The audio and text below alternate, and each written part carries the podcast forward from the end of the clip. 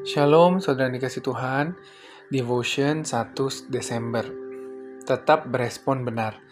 Ayat bacaan diambil dari kitab Mazmur pasal 4 ayat 4. Biarlah kamu marah tetapi jangan berbuat dosa. Berkata-katalah dalam hatimu di tempat tidurmu, tapi tetaplah diam. Manusia memiliki emosi. Ini merupakan suatu respon kita terhadap pengalaman dan perilaku yang terjadi di dalam hidup kita. Misalnya, kita yang lagi bekerja mendapatkan kenaikan jabatan dalam pekerjaan. Maka respon yang terjadi pada umumnya pasti kita happy.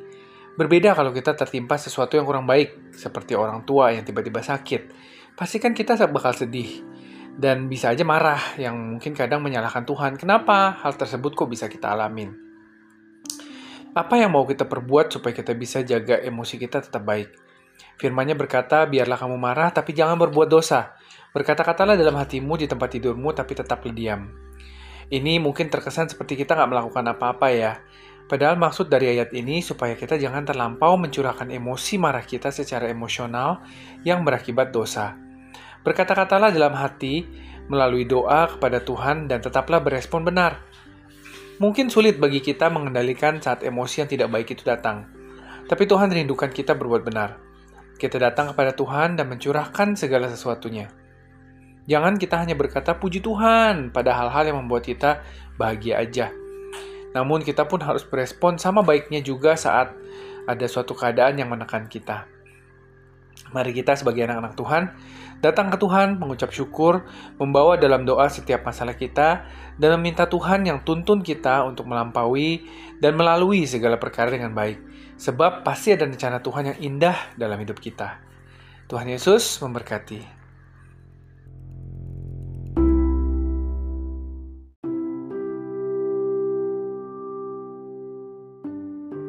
Shalom, saudara yang dikasih Tuhan. Devotion 2 Desember. Tuhan menepati janjinya.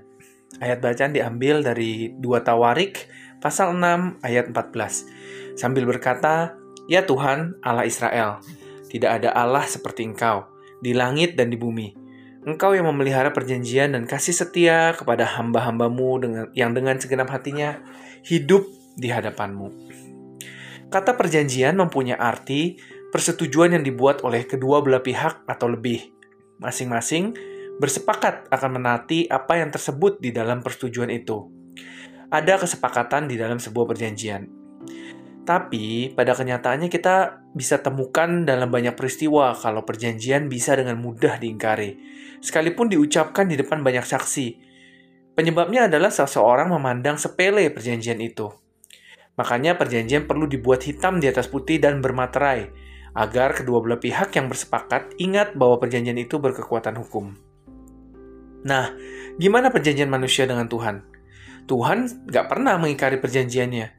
Sekalipun pihak manusia sering nggak tepatin janji, tapi Tuhan nggak mengingkari janjinya sendiri. Digambarkan seperti pastinya matahari terbit, apa pun yang terjadi di bumi, mau itu bencana, perubahan alam, bahkan kelakuan buruk manusia, semuanya itu nggak akan pernah membuat matahari nggak terbit Nah demikianlah janji Tuhan kepada manusia.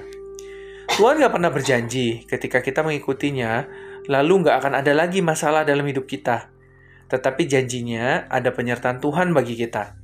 Sebelum kembali ke surga dalam Yohanes 14 ayat 16, Yesus berjanji, Aku akan minta kepada Bapa dan ia akan memberikan kepadamu seorang penolong yang lain, supaya ia menyertai kamu selama-lamanya. Janji itu ditepatinya, sehingga kita sekarang nggak perlu takut sebab penyertaan Tuhan cukup buat kita. Tuhan Yesus memberkati.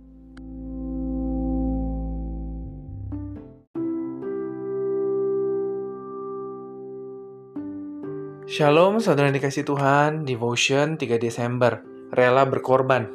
Ayat bacaan diambil dari 2 Tawarik 7 ayat 14. Dan umatku yang atasnya namaku disebut merendahkan diri dan berdoa dan mencari wajahku lalu berbalik dari jalan-jalan yang jahat, maka aku akan mendengar dari surga dan mengampuni dosa mereka, serta memulihkan negeri mereka. Untuk mencapai tujuan hidup kita, nggak semudah yang dibayangkan, tapi butuh usaha keras. Salah satunya adalah kita harus rela berkorban. Artinya, kita harus siap berkorban apa aja demi impian tercapai. Raja Salomo dan bangsa Israel mempersembahkan kurban sembelihan di hadapan Tuhan sembari memohon agar Tuhan memberkati dan mengokohkan kerajaannya. Apa hasilnya? Tuhan menjawab doa mereka dengan mengirim api memakan habis kurban sembelihan mereka dan berjanji bahwa ia akan meneguhkan kerajaan Salomo sesuai janjinya kepada Daud, ayahnya.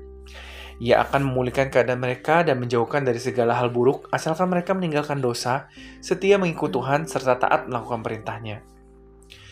Kalau kita ingin berhasil meraih impian atau tujuan hidup kita, maka lakukan juga bagian kita. Tanpa kesediaan berkorban, mustahil kita berhasil. Sama halnya seperti Paulus, gak gentar menghadapi berbagai tuduhan palsu dari orang-orang Yahudi yang mau dirinya tuh dihukum mati karena gak seneng Paulus menceritakan gimana pengalaman pribadinya berjumpa dengan Yesus. Untuk uh, demi banyak orang mendengar dan mengenal tentang nama Yesus lalu percaya kepadanya, Paulus gak peduli hal itu menyeretnya ke pengadilan. Nah, apa yang jadi keinginan kita? Kalau Tuhan meminta hati yang taat untuk melakukan perintahnya, maka hiduplah dalam ketaatan sekalipun kita harus mengorbankan keinginan, waktu, tenaga, atau bahkan materi. Usaha kita nggak akan pernah mengkhianati hasil. Tuhan Yesus memberkati.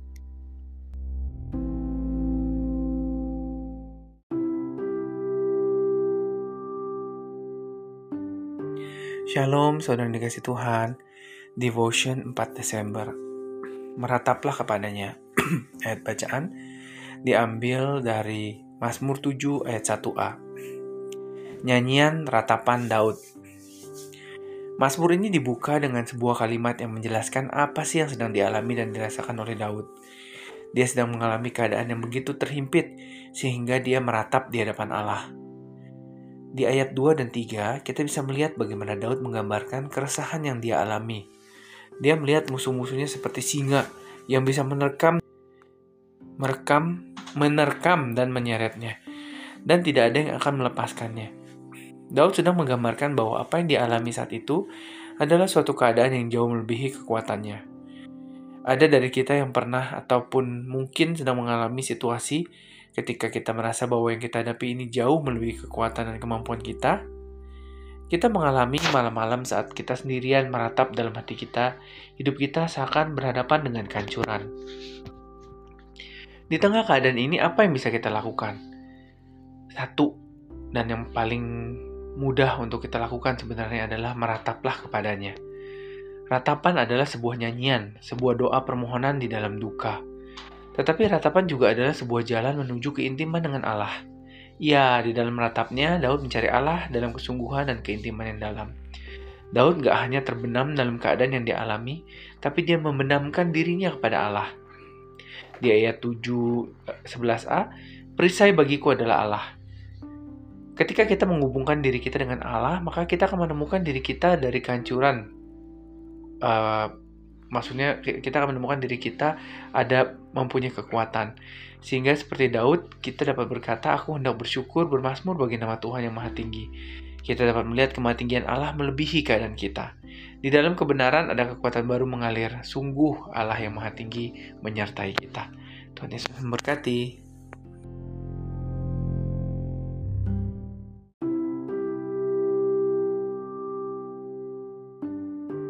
Shalom, saudara dikasih Tuhan. Devotion 5 Desember. Belajar mendengar suara Tuhan.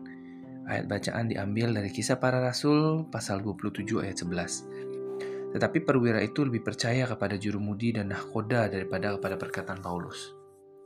Dalam kehidupan sehari-hari, kita pasti akan selalu dihadapin dengan masalah-masalah yang memerlukan keputusan. Biasanya keputusan diambil berdasarkan logika atau pola pikir yang sudah terbentuk sejak kecil. Dan dari kecil, masalah belajar kita terbiasa dididik dengan pengertian belajar pada guru, belajar pada pakar atau ahlinya, belajar dari pengalaman, dan belajar dari suara terbanyak. Jadi hal itu membuat kita secara otomatis akan mudah menyetujui pendapat dari orang-orang tersebut. Kita bahkan gak dididik untuk belajar mendengar suara tokoh agama seperti pendeta, dan dalam hal-hal duniawi, terlebih masalah cuaca atau alam. Salah satu contoh ya terlihat sekali dari bacaan hari ini, gimana kapten kapal lebih mendengar suara awak kapal dan para penumpang yang terbiasa berpergian naik kapal dibanding mendengar suara Rasul Paulus yang padahal yang ia sampaikan berasal dari Tuhan. Akibat mereka nggak mau mendengar suara Tuhan melalui Rasul Paulus yang, yang uh, aslinya itu dari suara Tuhan, sangat fatal jadinya. Dalam perjalanan tersebut mereka banyak mengalami kerugian. Sama seperti yang udah diperingatkan Paulus, kapal mereka kandas. Muatan terpaksa dibuang saat kapal terombang-ambing oleh angin badai dan keselamatan nyawa mereka terancam. Renungan firman hari ini mengajarkan kepada kita untuk belajar mendengar suara Tuhan, melibatkan Tuhan dalam segala aspek kehidupan kita, dan pastikan kita selalu melangkah sesuai arahan Tuhan, supaya hal-hal buruk tidak menimpa kehidupan kita. Tuhan Yesus memberkati.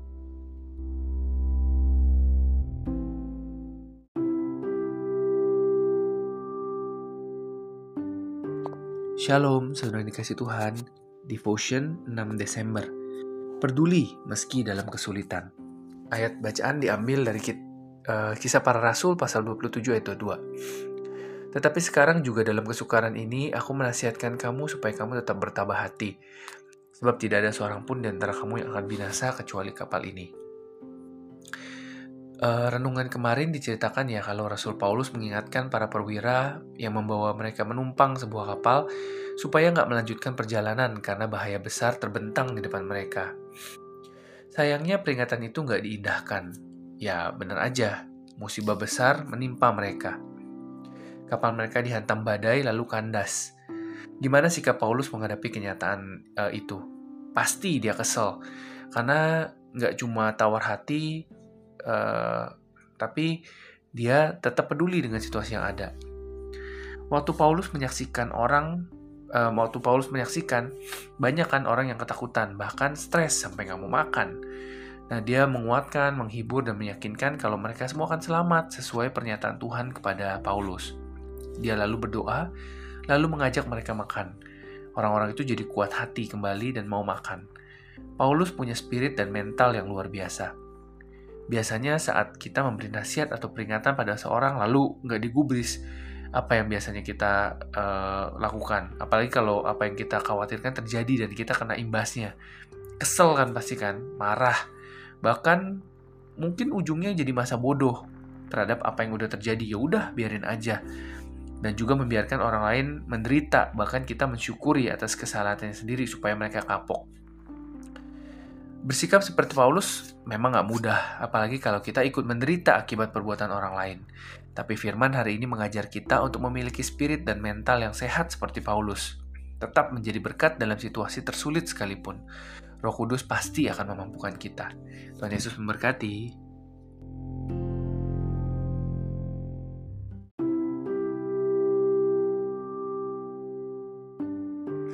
Shalom saudara yang dikasih Tuhan. Devotion 7 Desember, dekat dengan Tuhan. Ayat bacaan diambil dari 2 Tawarik pasal 15 ayat yang kedua. Ia pergi menemui Asa dan berkata kepadanya, Dengarlah kepadaku, Asa dan seluruh Yehuda dan Benjamin. Tuhan beserta dengan kamu bila mana kamu beserta dengan dia.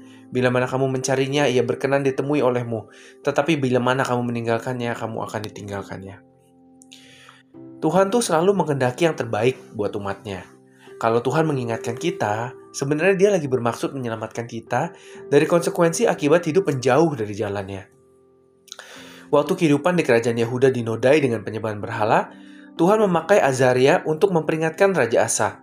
Kisah pengalaman pahit bangsa Israel yang gak hidup dengan aman saat Tuhan meninggalkan mereka, justru Tuhan pakai untuk mengingatkan Asa agar mau memperhatikan kehidupan bangsanya. Agar terhindar dari malapetaka, Asa harus membawa Yehuda kembali ke jalan yang benar – hidup dekat dengan Tuhan, dan selalu meminta petunjuk Tuhan. Setelah Azam menyingkirkan penyembahan berhala, memperbarui mesbah Tuhan, membuat aturan tegas soal penyembahan berhala dan berkomitmen mencari Tuhan, maka mereka hidup aman selama 35 tahun pemerintahannya. Kita hanya akan menikmati hidup yang disertai Tuhan kalau kita dekat dengannya. Perkenanan Tuhanlah yang membuat kita mengalami pertolongan pada masa kesesakan. Kita pun hanya akan mengerti kehendak Tuhan kalau Ia berbicara pada kita, baik saat membaca firman ataupun menerima nasihat atau teguran dari orang-orang yang Tuhan hadirkan dalam hidup kita. Makanya sangat penting membangun hubungan yang karib dengan Tuhan, bersekutu dengan firman, menerima nasihat dari sesama, dan berkomitmen mencari ataupun meminta petunjuk Tuhan dalam segala aspek kehidupan. Tuhan Yesus memberkati.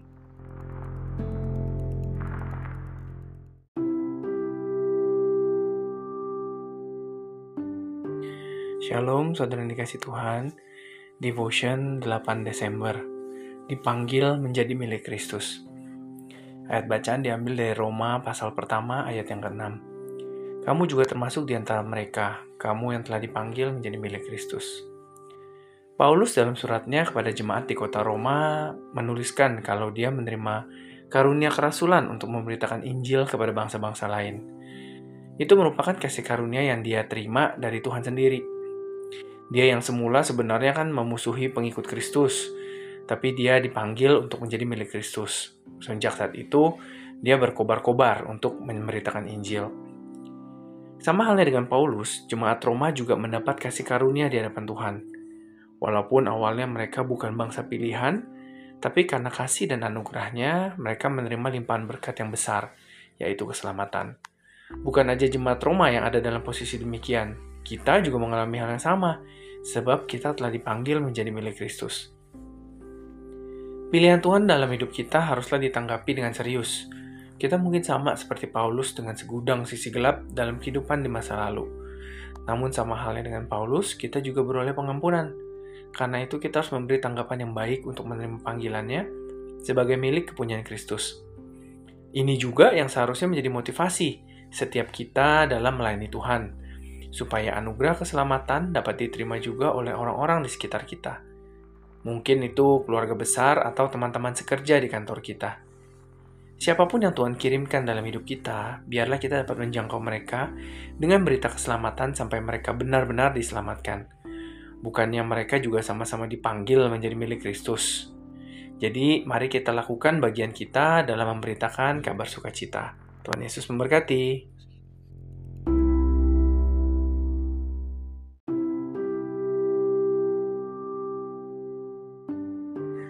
Shalom, saudara yang dikasih Tuhan. Devotion 9 Desember. Menjaga hati. Ayat bacaan diambil dari Amsal pasal 4 ayat 23. Jagalah hatimu dengan segala kewaspadaan, karena dari situlah terpancar kehidupan. Hati adalah organ yang terpenting, organ penting dari tubuh manusia. Hati berpengaruh terhadap karakter dan kepribadian seseorang. Waktu hati dijaga, hidup kita dapat dilindungi dari segala godaan dunia dan nafsu yang bersumber dari dalam diri sendiri. Waktu langkah kita menyimpang dari jalan Tuhan, tapi kita bangkit kembali dan menyelaraskan kembali hati kita dengan firman Tuhan, maka hal itu akan membawa perubahan dalam kepribadian kita, ucapan, dan perilaku kita juga sehingga kita bisa menjalani kehidupan dengan hikmat Tuhan. Kita harus waspada terhadap apa yang ada di dalam hati kita, karena cepat atau lambat itu akan berdampak pada pikiran, pada tindakan, dan perkataan. Gimana caranya kita jaga hati? Hanya ketika hati kita dikendalikan dengan didikan Tuhan, kita akan dimampukan untuk menjalani kehidupan yang tidak menyimpang ke kanan atau ke kiri. Jadi jagalah hati kita dengan firman, penuhi dengan kasih sambil berdoa minta kekuatan dan hikmat Tuhan. Kita nggak akan tahu kemurnian hati kita kalau nggak diproses dan dilatih terlebih dahulu. Tekanan hidup termasuk cara yang dipakai Tuhan untuk membentuk dan memurnikan hati kita. Tekanan bisa datang dari hal-hal sepele atau sebaliknya menyakitkan. Tapi kita justru sering kali jatuh karena tidak waspada. Contoh waktu kita dibohongin. Kita biarin peristiwa itu berlalu tanpa pemberesan dan melepaskan pengampunan. Suatu hari saat ada kesempatan membalas, pasti kita akan melakukannya. Nah dari hati yang murni terpancar perbuatan-perbuatan yang selaras firman Tuhan dan mengalir perkataan berkat. Jagalah hati kita dengan segala kewaspadaan. Tuhan Yesus memberkati.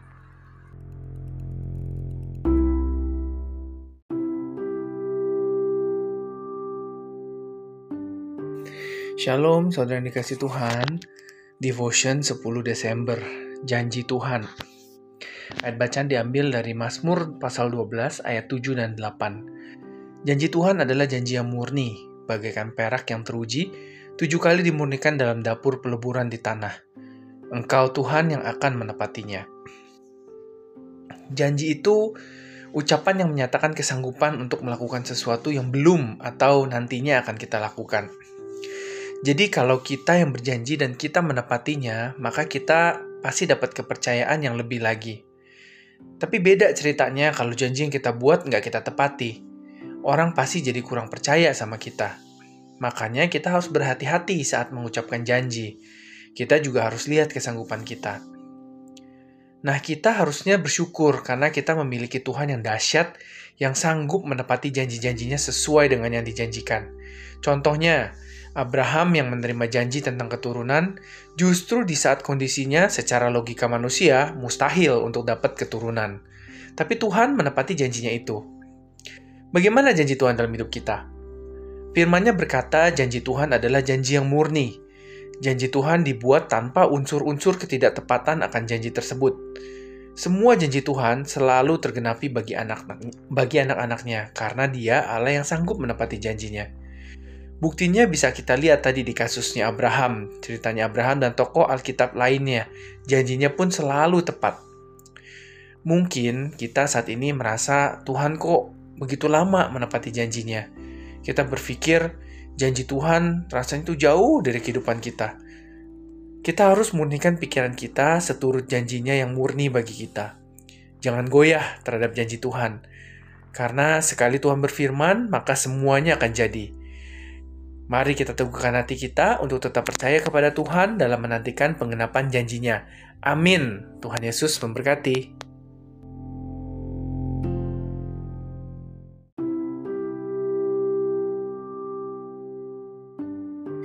Shalom, saudara yang dikasih Tuhan. Devotion 11 Desember. Hidup dalam anugerah Tuhan.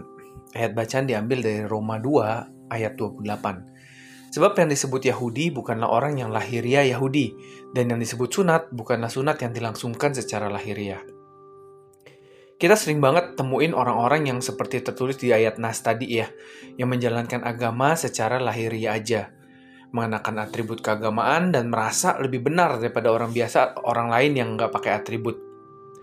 Firman Tuhan hari ini menjelaskan kalau sunat yang dimaksud bukanlah sunat secara lahiriah, tetapi sunat dalam hati. Maksudnya menunjukkan kedewasaan rohani uh, dengan membuang bagian-bagian yang kotor atau perbuatan dosa dari dalam hidup kita. Sebab kita diselamatkan bukan karena hal-hal lahiriah yang kita lakukan, tapi dengan iman yang benar-benar sungguh kepada Tuhan. Sesuatu yang gak nampak secara lahiriah, tapi bisa membawa kita kepada kehidupan yang kekal.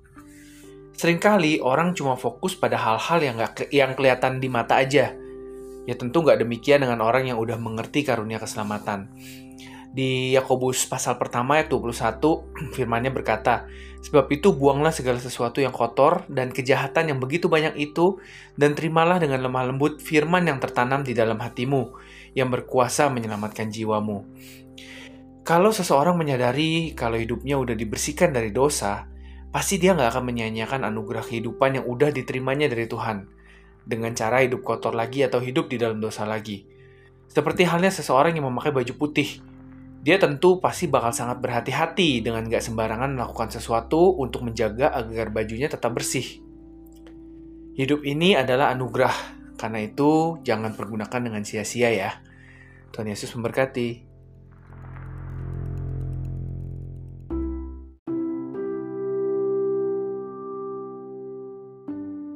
Shalom saudara yang dikasih Tuhan, Devotion 12 Desember, Ketulusan Hati. Ayat bacaan diambil dari 2 Tawarik pasal 25 ayat yang kedua. Ia melakukan apa yang benar di mata Tuhan, hanya tidak dengan sepenuh hati. Arti ketulusan adalah kesungguhan dan kebersihan hati, kejujuran. Ketulusan hati maksudnya ya kesungguhan dan kebersihan hati, juga kejujuran dalam melakukan apa aja baik di hadapan Tuhan maupun di hadapan manusia. Memang kesungguhan hati seseorang gak mudah untuk dinilai, dan kelihatannya baik di hadapan manusia, tapi belum tentu di hadapan Tuhan. Kita bisa belajar dari Raja Amazia. Ia melakukan hal yang benar loh di mata Tuhan, tapi sayangnya dia melakukan dengan tidak sepenuh hati. Gak heran kalau Amazia berubah menjadi sombong saat berhasil mengalahkan musuh. Ia bahkan berpaling menyembah Allah-Allah lain, Padahal Tuhan yang membuat bangsanya menang atas musuh. Waktu Tuhan mengutus seseorang nabi untuk menegur, dia malah meremehkan nabi itu. Raja Yehuda itu pun mewariskan perilaku yang gak benar pada anaknya, sehingga saat menjadi raja yang kuat, anaknya berubah tinggi hati dan melakukan perbuatan yang jahat di mata Tuhan. Realitas ini menjadi peringatan bagi kita supaya benar-benar memperhatikan ketulusan hati kita. Apa pun yang kita kerjakan, lakukan dengan segenap hati, nggak hitung-hitungan, dan apabila udah berhasil, jangan sombong. Marilah kita selalu memohon arahan dan pimpinan roh kudus agar selalu dimampukan untuk menjaga hati. Selama kita melakukan segala sesuatu dengan benar, dengan segenap hati dan tertuju kepada Tuhan, maka hati kita akan selalu bersih. Keberhasilan gak akan membuat kita sombong, apalagi berpaling dari Tuhan. Tuhan Yesus memberkati.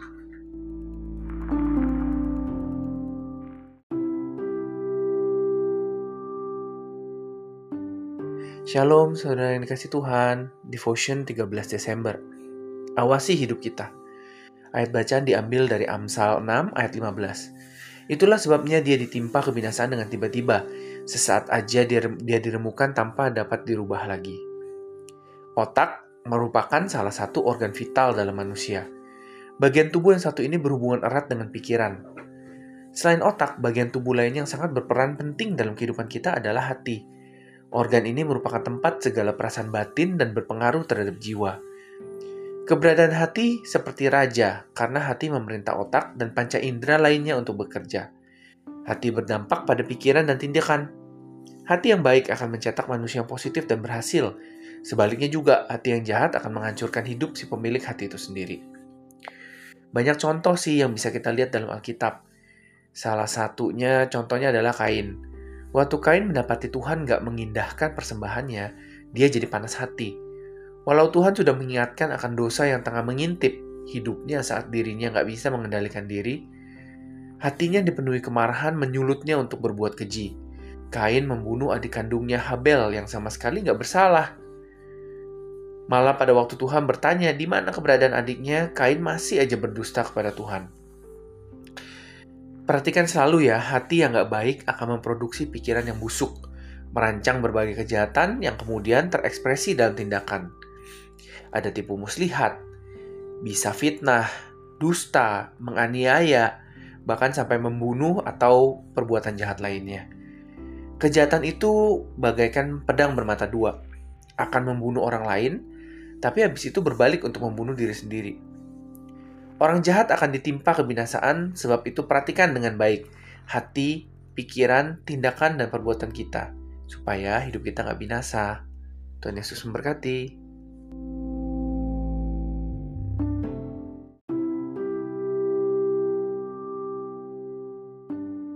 Shalom, saudara dikasih Tuhan. Devotion 14 Desember. Kunci meraih janji Tuhan. Ayat bacaan diambil dari Roma pasal 4 ayat 18. Sebab sekalipun tidak ada dasar untuk berharap, namun Abraham berharap juga dan percaya bahwa ia akan menjadi bapa bagi banyak bangsa, menurut yang telah difirmankan, demikianlah banyaknya nanti keturunanmu. Bicara tentang percaya terhadap janji, kebanyakan dari kita setuju kalau kita memberi janji kepada anak balita, mereka jauh lebih mudah untuk percaya dibandingkan kalau kita kasih janji ke orang tua. Kenapa? Karena dengan bertambahnya usia, pendidikan, dan pengalaman, setiap janji yang akan yang diberikan pasti dicerna lebih dalam menurut logika, masuk akal apa enggak. Kita akan belajar dari tokoh iman bernama Abraham yang bisa begitu percaya akan janji Tuhan mengenai keturunan, meski ia dan istrinya Sarah secara fisik makin melemah dan udah gak mungkin lagi untuk memiliki anak. Minimal ada tiga kunci yang membuat janji Tuhan tergenapi dalam hidup mereka. Yang pertama, bergaul erat dengan Tuhan. Kita bisa melihatnya melalui tindakan Abraham yang berulang-ulang kali berjumpa dan berbicara dengan Tuhan. Yang kedua, memiliki pengalaman pribadi dengan Tuhan. Tuhan selalu menepati setiap janjinya.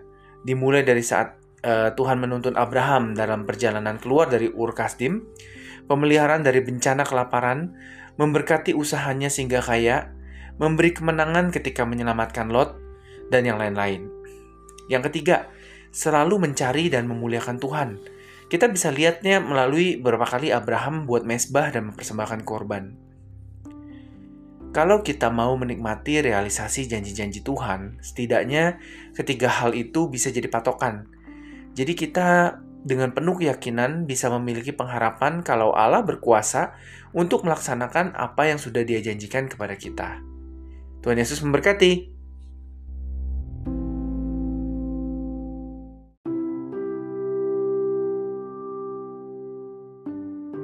Shalom, saudara kasih Tuhan. Devotion 15 Desember.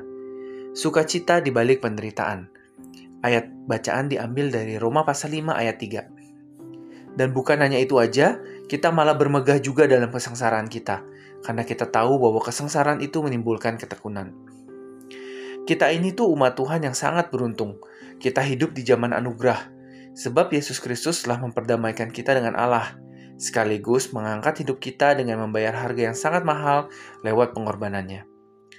Iman kepada Yesus mengantar kita pada kehidupan yang berlimpah kasih Tuhan dan harapan menikmati sukacita yang bersumber dari Tuhan.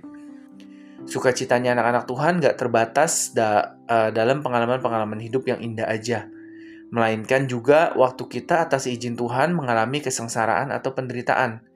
Bisa nggak kita bersukacita waktu lagi menderita? Bisa aja, karena kita tahu ada jaminan kita nggak akan berlama-lama dalam situasi itu. Sebab Tuhan beserta kita dan bekerja di dalamnya untuk mendatangkan kebaikan bagi kita. Masa-masa sukar, Tuhan pakai sebagai sarana untuk membentuk karakter dan menumbuhkan iman kita. Kalau paradigma kita benar tentang penderitaan, maka kita akan sabar menjalaninya. Kita akan bertekun melewati proses sampai menjadi pribadi yang enggak tergoyahkan. Kemudian kita masuk pada fase teruji, ketika kekuatan kita sudah terbukti.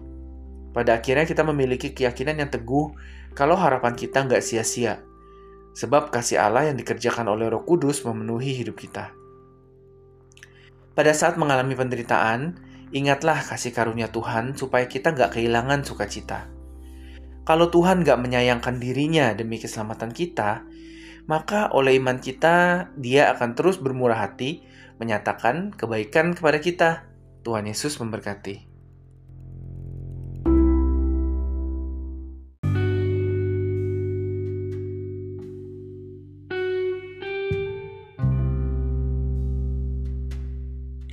Shalom, saudara yang dikasih Tuhan, Devotion 16 Desember.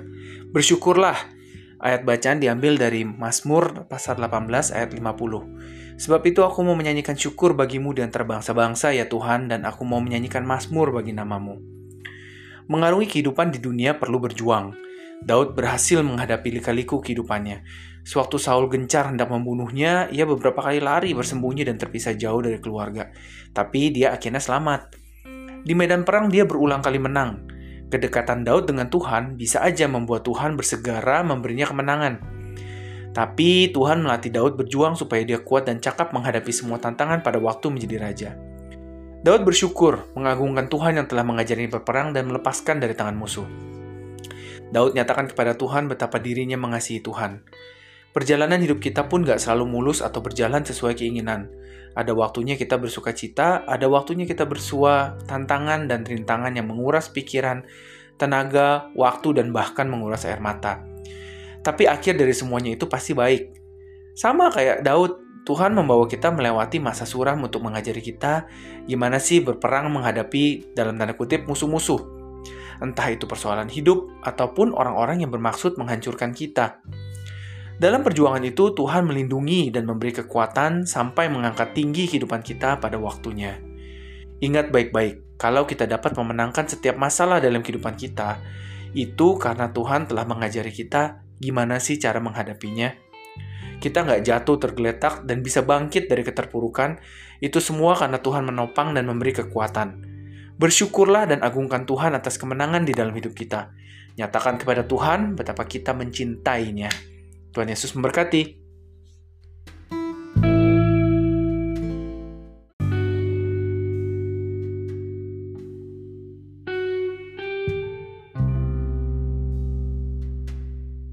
Shalom, saudara yang dikasih Tuhan, Devotion 17 Desember. Keadaan yang baru. Ayat bacaan diambil dari Roma pasal 7 ayat 6. Tetapi sekarang kita telah dibebaskan dari hukum Taurat sebab kita telah mati bagi dia yang mengurung kita. Sehingga kita sekarang melayani dalam keadaan baru menurut roh dan bukan dalam keadaan lama menurut hukum huruf hukum Taurat. Banyak orang yang melayani Tuhan tapi masih hidup dalam manusia lama mereka. Hidup dalam iri hati, amarah, kedengkian, dan berbagai pelanggaran hukum Taurat lainnya. Hal itu bukan sesuatu yang baik dan berkenan kepada Tuhan. Kalau uh, kita melayani, maka Tuhan melalui Rasul Paulus mengingatkan kita agar melayani dalam keadaan yang baru. Hal ini berbeda sekali dengan keadaan lama kita ketika masih di bawah hukum Taurat. Oleh karena itu, kita harus mematikan manusia lama kita supaya kita nggak lagi terikat olehnya. Terus gimana caranya? Ya caranya dengan kita nggak memberi makan kepada kedagingan kita. Dan sebaliknya, kita harus lebih banyak memberikan makanan kepada roh kita supaya dapat bertumbuh dan semakin kuat. Untuk dapat melayani dengan baik, otot-otot rohani kita harus dilatih agar keadaan yang baru itu muncul. Membaca firman Tuhan merupakan bagian yang penting, sebab manusia hidup bukan dari roti saja, tapi dari setiap firman yang keluar dari mulut Allah. Sama halnya, kita mengkonsumsi makanan jasmani akan memberikan nutrisi yang cukup memadai bagi tubuh. Nah, sama kayak roh kita juga perlu mendapatkan makanan rohani dengan pada porsi yang cukup sebagai bekal bagi kita untuk melayani di dalam keadaan yang baru. Tuhan Yesus memberkati.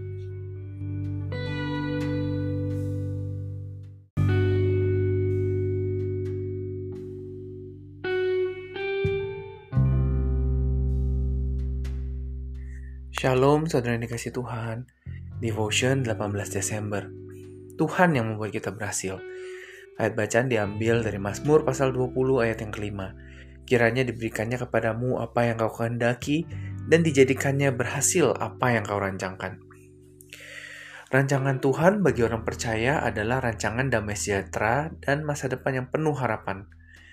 Tapi janji ini Tuhan sediakan bagi orang-orang yang hidup benar dan berkenan kepadanya. Janji Tuhan buat orang benar itu apa aja yang diperbuat atau dikerjakan pasti berhasil.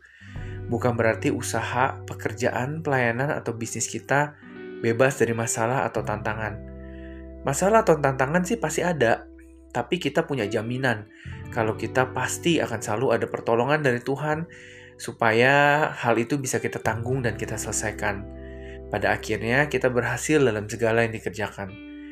Kalau sampai saat ini kita lebih banyak mengalami kegagalan daripada keberhasilan, atau kayaknya janji Tuhan serasa menjauh dari kehidupan kita, mungkin bisa kita bisa bijak kalau kita segera mengkoreksi diri daripada bersungut-sungut, mengeluh lalu menyalahkan Tuhan. Coba direnungkan beberapa pertanyaan seperti sudahkah kita memiliki persekutuan yang karib dengan Tuhan? Sudahkah kita beribadah kepadanya dengan sungguh-sungguh? Sudahkah kita setia mengerjakan apa yang Tuhan percayakan? Apakah kita hidup sudah hidup kudus di hadapan Tuhan? Kita harus ingat selalu kalau kita akan gagal dan gagal, selalu gagal kalau mengerjakan panggilan hidup kita nggak disertai dengan iman dan perbuatan. Beriman bahwa keberhasilan pasti menjadi milik kita. Habis itu kita harus melakukan pekerjaan atau pelayanan kita dengan mengandalkan Tuhan serta menjalani kehidupan yang seturut dengan firman-Nya. Jadi dengan demikian keberhasilan akan senantiasa mengikuti perjalanan hidup orang percaya. Tuhan Yesus memberkati.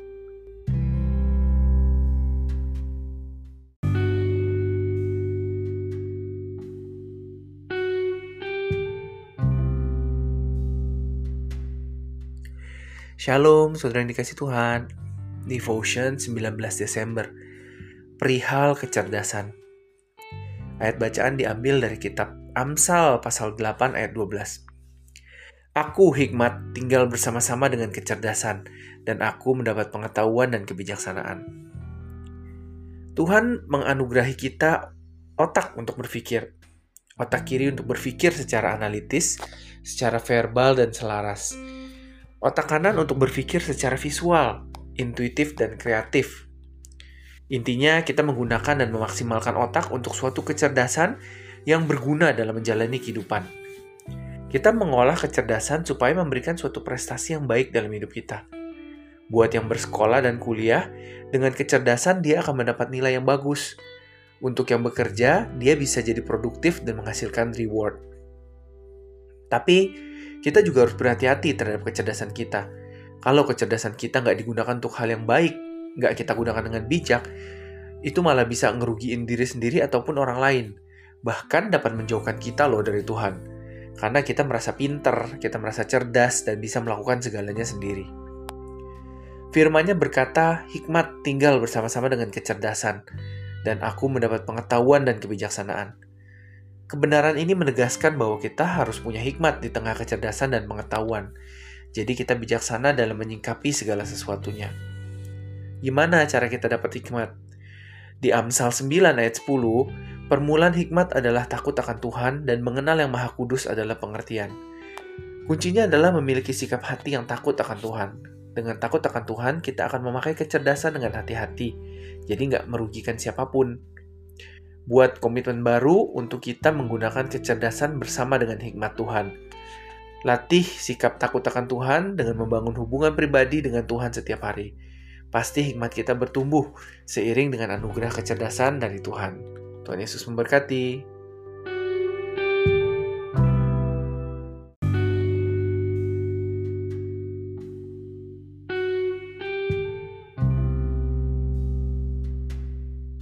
Shalom, saudara dikasih Tuhan, Devotion 20 Desember. Tuhan ada di masa sulit kita. Ayat bacaan diambil dari Mazmur 22 ayat 11. Janganlah jauh daripadaku sebab kesusahan telah dekat dan tidak ada yang menolong. Semua orang pasti pernah ya ngerasain masa-masa sulit dalam hidupnya. Mau itu dalam pekerjaan, keluarga, sekolah, dan yang lainnya. Bahkan ada masa-masa saat kita merasakan gak ada satu orang pun yang bisa menolong. Jadi banyak orang yang harus melewati masa sulit sendirian. Waktu kemarin di masa-masa pandemi, waktu para pasien harus diisolasi, gak ada satu orang pun diizinkan untuk menemani mereka. Bagi beberapa orang tentu aja ini hal yang sangat sulit buat dilewatin. Selain itu, itu juga menunjukkan bahwa betapa terbatasnya kita sebagai manusia. Banyak hal yang gak dapat kita kendalikan dalam hidup kita ini. Kenapa Tuhan izinkan hal ini terjadi, bahkan ke orang-orang yang beriman sekalipun? Tuhan mau kita bergantung penuh kepadanya. Dengan segala keterbatasan itu, kita seharusnya menyadari bahwa hidup punya kita ini, hidup kita ini adalah milik Tuhan. Dalam segala hal dan dalam segala keadaan kita perlu Tuhan. Di masa sekarang kita diperlihatkan fakta bahwa banyak orang yang memamerkan diri sendiri merasa hebat tanpa Tuhan. Mereka hidup jauh dari Tuhan. Tuhan ingin kita dekat dengan Dia, bergantung kepada Tuhan bukan hanya ketika kita memiliki keinginan atau kebutuhan tertentu, tapi karena kita mengasihi Dia. Coba diingat kembali masa-masa sulit dalam hidup kita. Pernah nggak Tuhan ninggalin kita? Tuhan sangat mengasihi kita dan berjanji selalu menyertai di mana pun kita berada. Jangan takut ketika dalam masa sulit, sebab tangannya akan tetap memegang hidup kita. Tuhan Yesus memberkati.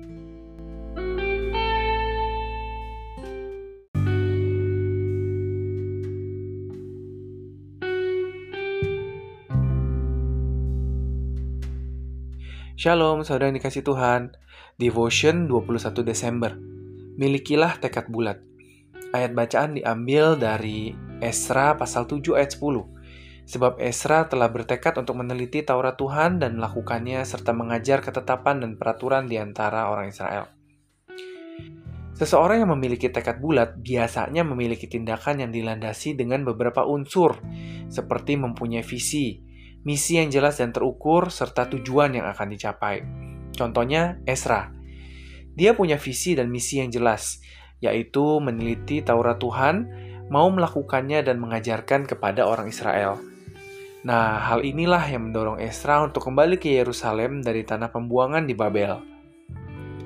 Kembalinya Esra ke Yerusalem merupakan sebuah mujizat karena nggak mungkin seorang tawanan asing diperlakukan seperti seorang pahlawan oleh Raja Persia. Semua keperluan perjalanan maupun rancangan proyeknya di Yerusalem bahkan ditanggung oleh raja. Kenapa kok itu bisa terjadi? Itu karena Esra memiliki visi dan misi yang jelas dari Tuhan. Semua rancangannya terlaksana sebab ia adalah hamba Allah. Tangan Tuhan bekerja melindungi dia. Paulus menegaskan bahwa kita bukan anak-anak menurut daging, tapi anak-anak perjanjian yang disebut keturunan yang benar. Artinya, kalau kita adalah anak-anak perjanjian, maka dibutuhkan dari kita tekad bulat untuk mendapatkan berbagai janji yang telah Allah sediakan bagi kita seperti janji perlindungan, kesehatan, damai sejahtera, keberhasilan, keselamatan, dan sebagainya. Tanpa tekad yang kuat untuk meraih janji Tuhan, gak mungkin janji itu digenapi dalam hidup kita. Sama seperti Esra, mari kita mantapkan hati kita untuk melakukan kehendak Tuhan, supaya janji-janjinya menjadi nyata di setiap saat dalam hidup kita. Tuhan Yesus memberkati.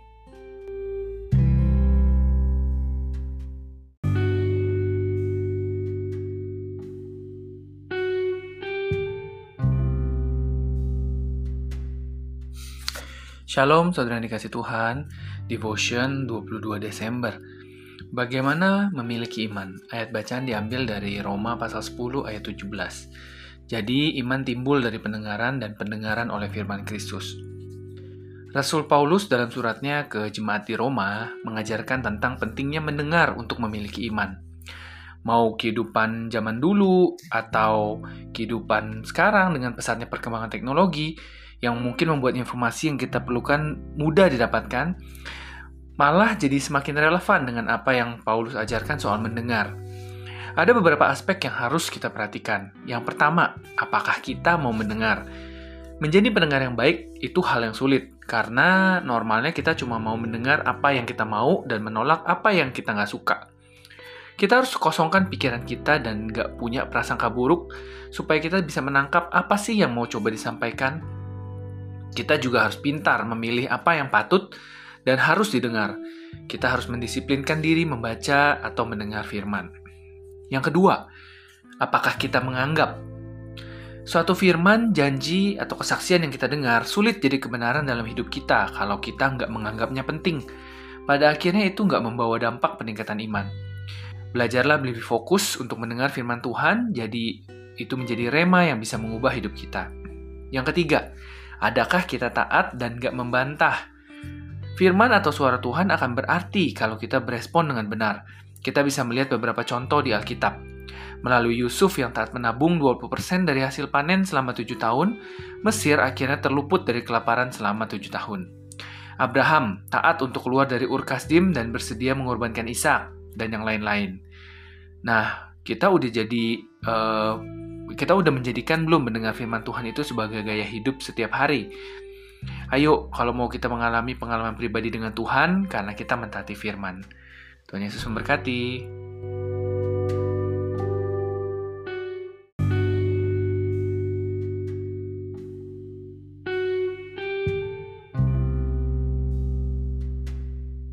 Shalom, saudara dikasih Tuhan. Devotion 23 Desember. Keindahan kaki. Ayat bacaan diambil dari Roma pasal 10 ayat 8 yang B.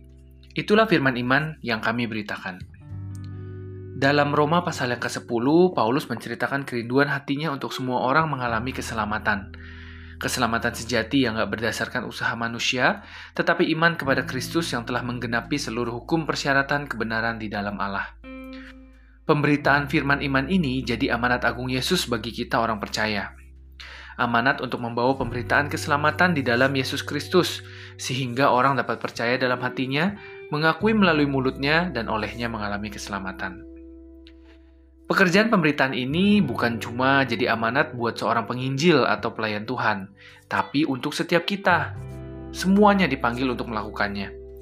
Di ayat yang ke-14 dan 15, Paulus menggambarkan gimana pertama untuk diselamatkan orang perlu mendengar. Kedua, untuk seorang mendengar perlu ada yang memberitakan. Ketiga, untuk seorang memberitakan perlu ada yang mengutus. Wow, bukan? Paulus menggambarkan kepada kita kalau setiap kita bisa terlibat dalam pemberitaan ini. Untuk mendengar, uh, untuk orang bisa dengar kabar keselamatan dibutuhkan pemberita dan pengutus. Ada dari kita yang dapat langsung menjadi pemerintah, tapi ada dari kita juga bisa diambil bagian dengan mengutus para pemerintah. Keadaan mungkin gak memungkinkan kita memberitakan secara langsung, tapi kita bisa mengutus atau mendukung para pemberita dengan doa, keuangan, pesan-pesan yang menguatkan saat mereka berada di ladang misi. Jadi waktu Paulus berkata, betapa indahnya kedatangan mereka yang membawa kabar baik, itu nggak hanya berlaku bagi pemberita tapi juga pengutus. Keduanya adalah sebuah bagian yang sangat penting bagi seseorang mendengar firman keselamatan. Itulah keindahan kaki. Sudahkah kita terlibat dalam amanat agung? Tuhan Yesus memberkati.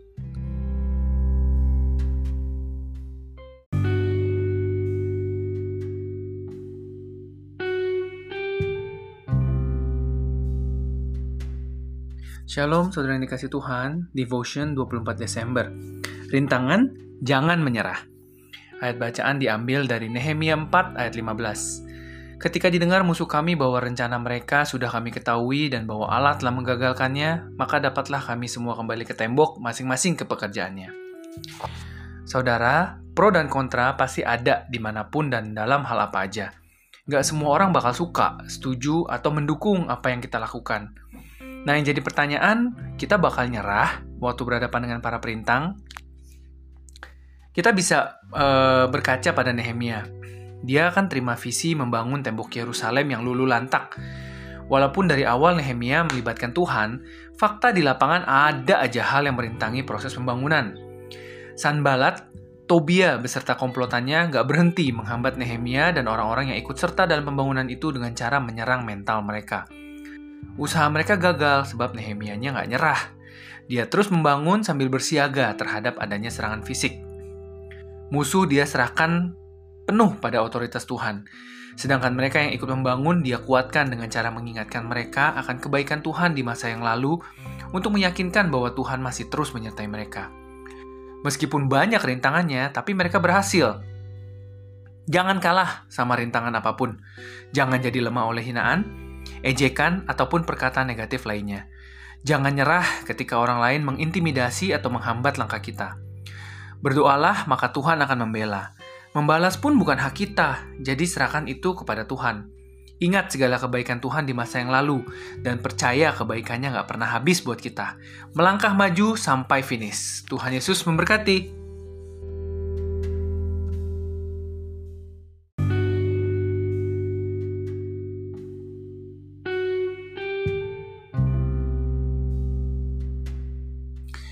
Shalom, saudara yang dikasih Tuhan, Devotion 25 Desember. Kepentingan Tuhan. Ayat bacaan diambil dari Hagai pasal 1 ayat 4 dan 5. Apakah sudah tiba waktunya bagi kamu untuk mendiami rumah-rumahmu yang dipapani dengan baik, sedang rumah ini tetap menjadi reruntuhan? Oleh sebab itu, beginilah firman Tuhan semesta alam. Perhatikanlah keadaanmu. Salah satu kebiasaan masyarakat di daerah kantong-kantong Kristen seperti beberapa wilayah di Indonesia Timur, waktu menyambut Natal, ya biasanya mendandani rumah. Contoh, rumah dicat lagi supaya terlihat bagus. Beli sofa baru, pasang pohon Natal, atau ornamen-ornamen Natal lainnya. Intinya, rumah harus terlihat keren waktu Natal dan Tahun Baru. Manusia normal untuk memberi perhatian besar terhadap segala sesuatu yang berhubungan dengan kebutuhan dan kesenangannya. Gak ada yang salah sih memang. Cuma memang kita mesti bijaksana jangan sampai salah prioritas mengabaikan kepentingan Tuhan. Ini bakal sangat berbahaya. Kita bisa berkaca dari kehidupan bangsa Israel yang berada di pembuangan. Melalui perantaraan Nabi Hagai, Tuhan mengingatkan Zerubabel selaku gubernur Yehuda dan Yosua sebagai imam besar supaya mengerahkan bangsanya untuk membangun kembali bait suci serta memperhatikan prioritas mereka Waktu itu bangsa Israel fokus membangun atau menjadikan rumahnya lebih baik lagi, bahkan jadi mewah. Dan mereka nggak peduli terhadap pekerjaan Tuhan. Akhirnya Tuhan menghukum mereka. Bangsa itu mengalami gagal panen, kebutuhan mereka nggak tercukupi dan hidup mereka nggak aman. Tuhan kembali memberkati mereka sesuai janjinya sesudah mereka mengubah prioritas hidup dan memperhatikan pekerjaan Tuhan. Saat ini kita hidup di zaman kasih karunia, Tuhan Yesus datang ke dunia supaya kita beroleh selamat dan hidup yang kekal.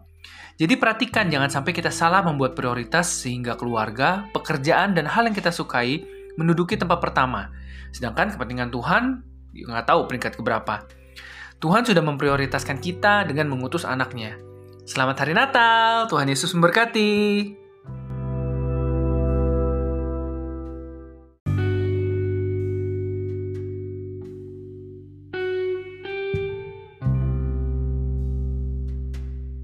Shalom, saudara dikasih Tuhan, Devotion 26 Desember. Tuhan pembela kita. Ayat bacaan diambil dari Mazmur 26 ayat pertama. Berikanlah keadilan kepadaku ya Tuhan, sebab aku telah hidup dalam ketulusan, kepada Tuhan aku percaya dengan tidak ragu-ragu. Gak ada satu orang pun di dunia ini yang senang kalau dapat perlakuan yang gak semestinya. Setiap orang mau diperlukan baik, diperlakukan baik, mau dapetin apresiasi, menerima sesuatu yang setimpal dengan perbuatannya. Sedih sih memang kalau yang kita terima kontras dengan yang kita udah lakuin. Dan sah-sah aja kalau kita berharap menerima hal yang baik setelah berbuat kebaikan. Doa pemazmur di ayat Nas yang tadi menunjukkan kalau dia sedang berada dalam situasi yang gak baik atau mengalami keadaan yang gak menyenangkan. Padahal dia udah bersikap baik. Makanya Daud meminta keadilan kepada Tuhan. Fakta yang masih bisa kita ketemui dalam kehidupan sehari-hari, ada kalanya kebaikan seseorang dibalas dengan kejahatan. Sama seperti peribahasa, air susu dibalas dengan air tuba. Benih-benih kebaikan yang kita tabur kepada orang lain gak selalu menjanjikan tuayan yang baik. Banyak contoh sih yang bisa kita lihat. Orang tua yang berkorban habis-habisan buat masa depan anaknya. Tapi setelah sang anak sukses, ia justru mendurhaka kepada orang tuanya. Ada juga orang yang mau menolong orang lain, sekalipun dirinya pernah ditolong orang itu saat sedang kesusahan. Atau udah dibela, tapi malah menikam dari belakang orang yang membela. Ketika kita dikecewakan atau disakiti oleh adanya ketidakadilan, ingat Yesus nggak pernah mengajari kita untuk membalas kejahatan. Mintalah keadilan kepadanya dan teruslah menabur kebaikan. Percaya deh, Tuhan selalu perhitungkan kebaikan kita dan dia punya banyak cara untuk membela kita. Tuhan Yesus memberkati.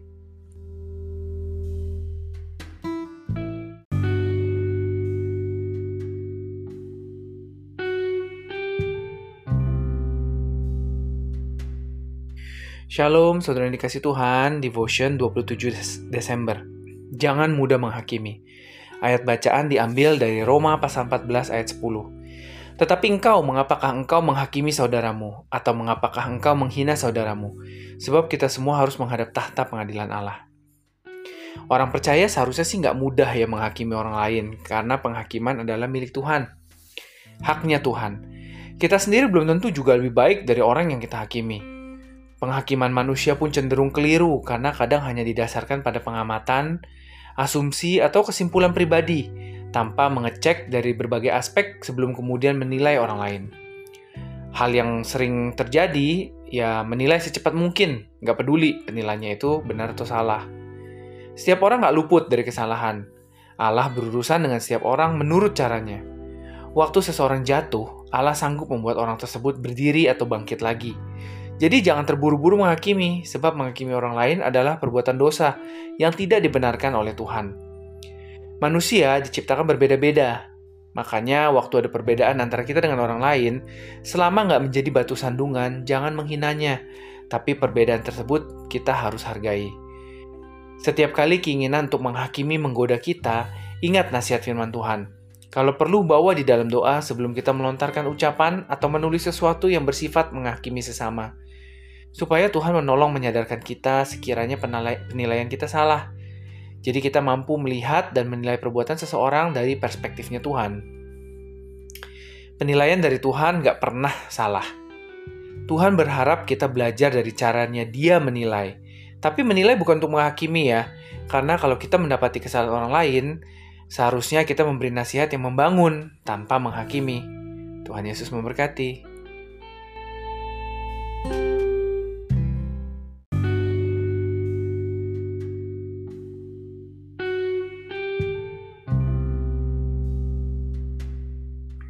Shalom, saudara dikasih Tuhan, Devotion 28 Desember.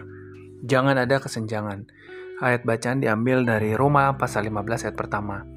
Kita yang kuat wajib menanggung kelemahan orang yang tidak kuat dan jangan kita mencari kesenangan kita sendiri.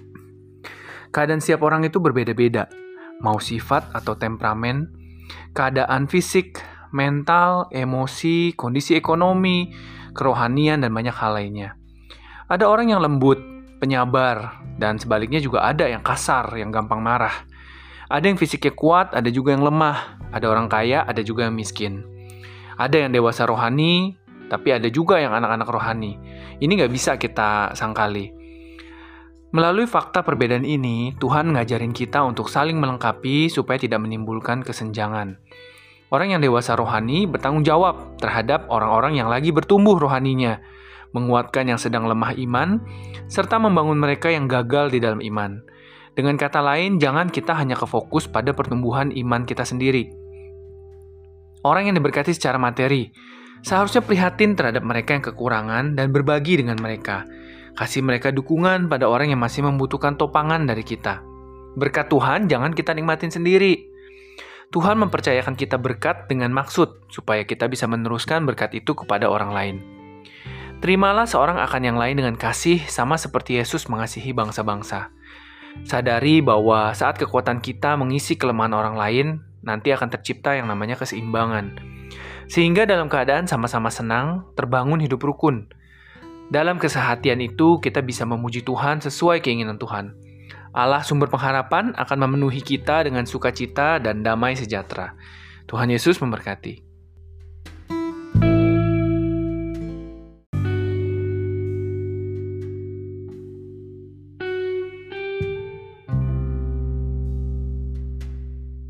Shalom, saudara yang dikasih Tuhan, Devotion 29 Desember. Berkat si pemberi berkat. Ayat bacaan diambil dari Amsal pasal 11 ayat 25. Siapa banyak memberi berkat, diberi kelimpahan. Siapa memberi minum, ia sendiri akan diberi minum. Coba kita renungkan pertanyaan ini. Gimana kita bisa tahu kalau kita seorang pemberi? Tentunya dari orang lain. Memberi berkat berbicara tentang kemurahan hati, kebaikan, kasih, serta kedermawanan. Kita nggak bisa nilai diri sendiri sebagai seorang pemberi, karena yang bisa merasakan itu ya sesama kita. Sasaran atau tujuan dari pemberian kita adalah orang lain. Makanya mereka yang bisa ngeliat, merasakan, dan menilainya. Menurut kacamata dunia, kita akan rugi kalau melakukan kebaikan tanpa pamrih. Gak heran banyak orang yang menganut asas simbiosis mutualisme atau bahkan parasitisme. Mereka tuh perhitungan banget waktu mau kasih sesuatu ke sesama. Kontras dengan itu, Yesus justru mewajibkan setiap anak-anak Tuhan untuk memiliki hati yang suka memberi. Karena itu bagian dari kasih dan kemurahan hati yang adalah buah roh. Memberi adalah karakter Allah. Ketika memberi, kita meneladani Kristus. Firman Tuhan tegaskan, hendaklah kebaikan hatimu diketahui semua orang. Satu fakta kebenaran lagi yang mesti kita pahami tentang memberi. Pada waktu kita bermurah hati untuk berbagi berkat, Sebenarnya kita sedang memberkati diri sendiri. Sebab kebaikan itu akan kembali lagi nanti juga ke kita. Orang lain bisa menganggap sepele pemberian kita. Mereka mungkin gak akan balas budi. Mungkin bahkan mereka bisa melupakannya. Tapi Tuhan sangat menghargainya. Gak ada satupun kebaikan kita yang luput dari perhatian Tuhan. Dia membalas setimpal dengan perbuatan kita. Orang yang kikir gak dilimpahi berkat. Hidupnya gak beruntung. Berbagilah, orang yang memberi berkat pasti menerima kemurahan Tuhan. Tuhan Yesus memberkati.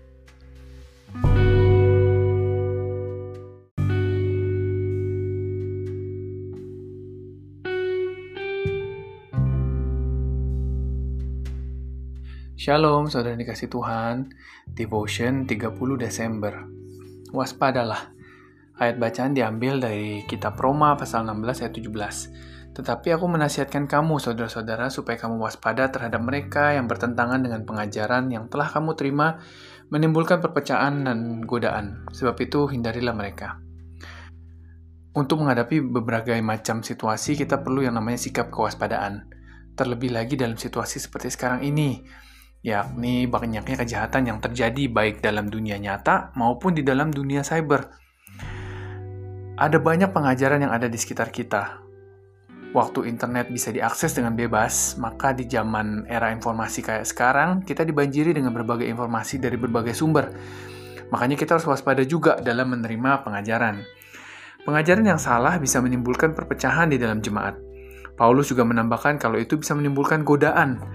Dua-dua hal itu sangat merugikan, sebagaimana terjadi waktu di jemaat Roma penerima surat Paulus tersebut. Keadaan yang sama juga bisa terjadi dalam zaman kita sekarang. Makanya Paulus kasih kita guidance, yaitu yang pertama harus memiliki sikap waspada. Dalam terjemahan bahasa Inggris di Roma 16 ayat 17, I urge you brothers to watch out for those who cause divisions and put obstacles in your way that are contrary to the teaching you have learned. Keep away from them. Ya hampir sama sih artinya ya. Hal yang pantas diwaspadai adalah pengajaran yang bertentangan, sebab dari sinilah perpecahan itu bisa bermula. Hal yang kedua, Paulus menganjurkan untuk menghindari orang-orang yang seperti itu. Menghindari artinya menjauh dan gak jadi bagian dari orang-orang tersebut. Jadi lebih baik uh, kita semua, saya juga, kita cari komunitas yang baik dalam Tuhan. Masuk ke dalam care cell kom atau komsel, komunitas yang terdekat dengan kita. Tuhan Yesus memberkati.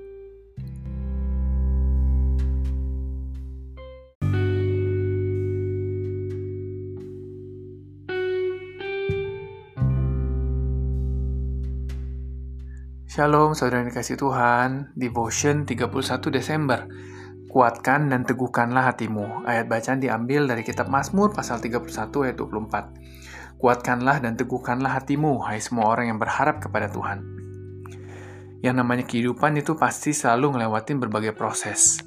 Dan semua proses itu menuntut kita untuk memberikan respon yang tepat. Misalnya waktu kita udah bekerja sedemikian kerasnya, tapi hasil kerja kita nggak gitu dihargain oleh atasan. Rasanya pasti nggak enak. Kita kesel, marah, dan kita nggak terima. Terus, apa itu respon yang tepat saat kita sedang diproses Tuhan? Memang betul kita nggak boleh memendam perasaan kita, tapi bukan berarti kita juga harus kasih respon yang malah dapat merugikan kita. Yuk kita lihat yuk apa yang firman Tuhan katakan tentang sikap di tengah proses kehidupan. Firman Tuhan berkata, kuatkanlah dan teguhkanlah hatimu. Kalau kita sedang diproses, Tuhan mau kita kuatkan dan teguhkan hati. Maksudnya jangan sampai kasih respon yang salah. Kita bisa pilih untuk bersabar saat kenyataan gak sesuai harapan. Dengan kata lain, kita harus responi semua proses dengan bijak dan seturut firman Tuhan. Selanjutnya firman ini berkata, hai semua orang yang berharap kepada Tuhan. Nah ini jadi ajakan buat kita semua anak-anak Tuhan untuk menguatkan dan meneguhkan hati yang sedang mengalami proses kehidupan. Janji-janji Tuhan itu kekal bagi kita. Begitupun rencana Tuhan indah bagi kita. Tapi semua kembali lagi kepada kita.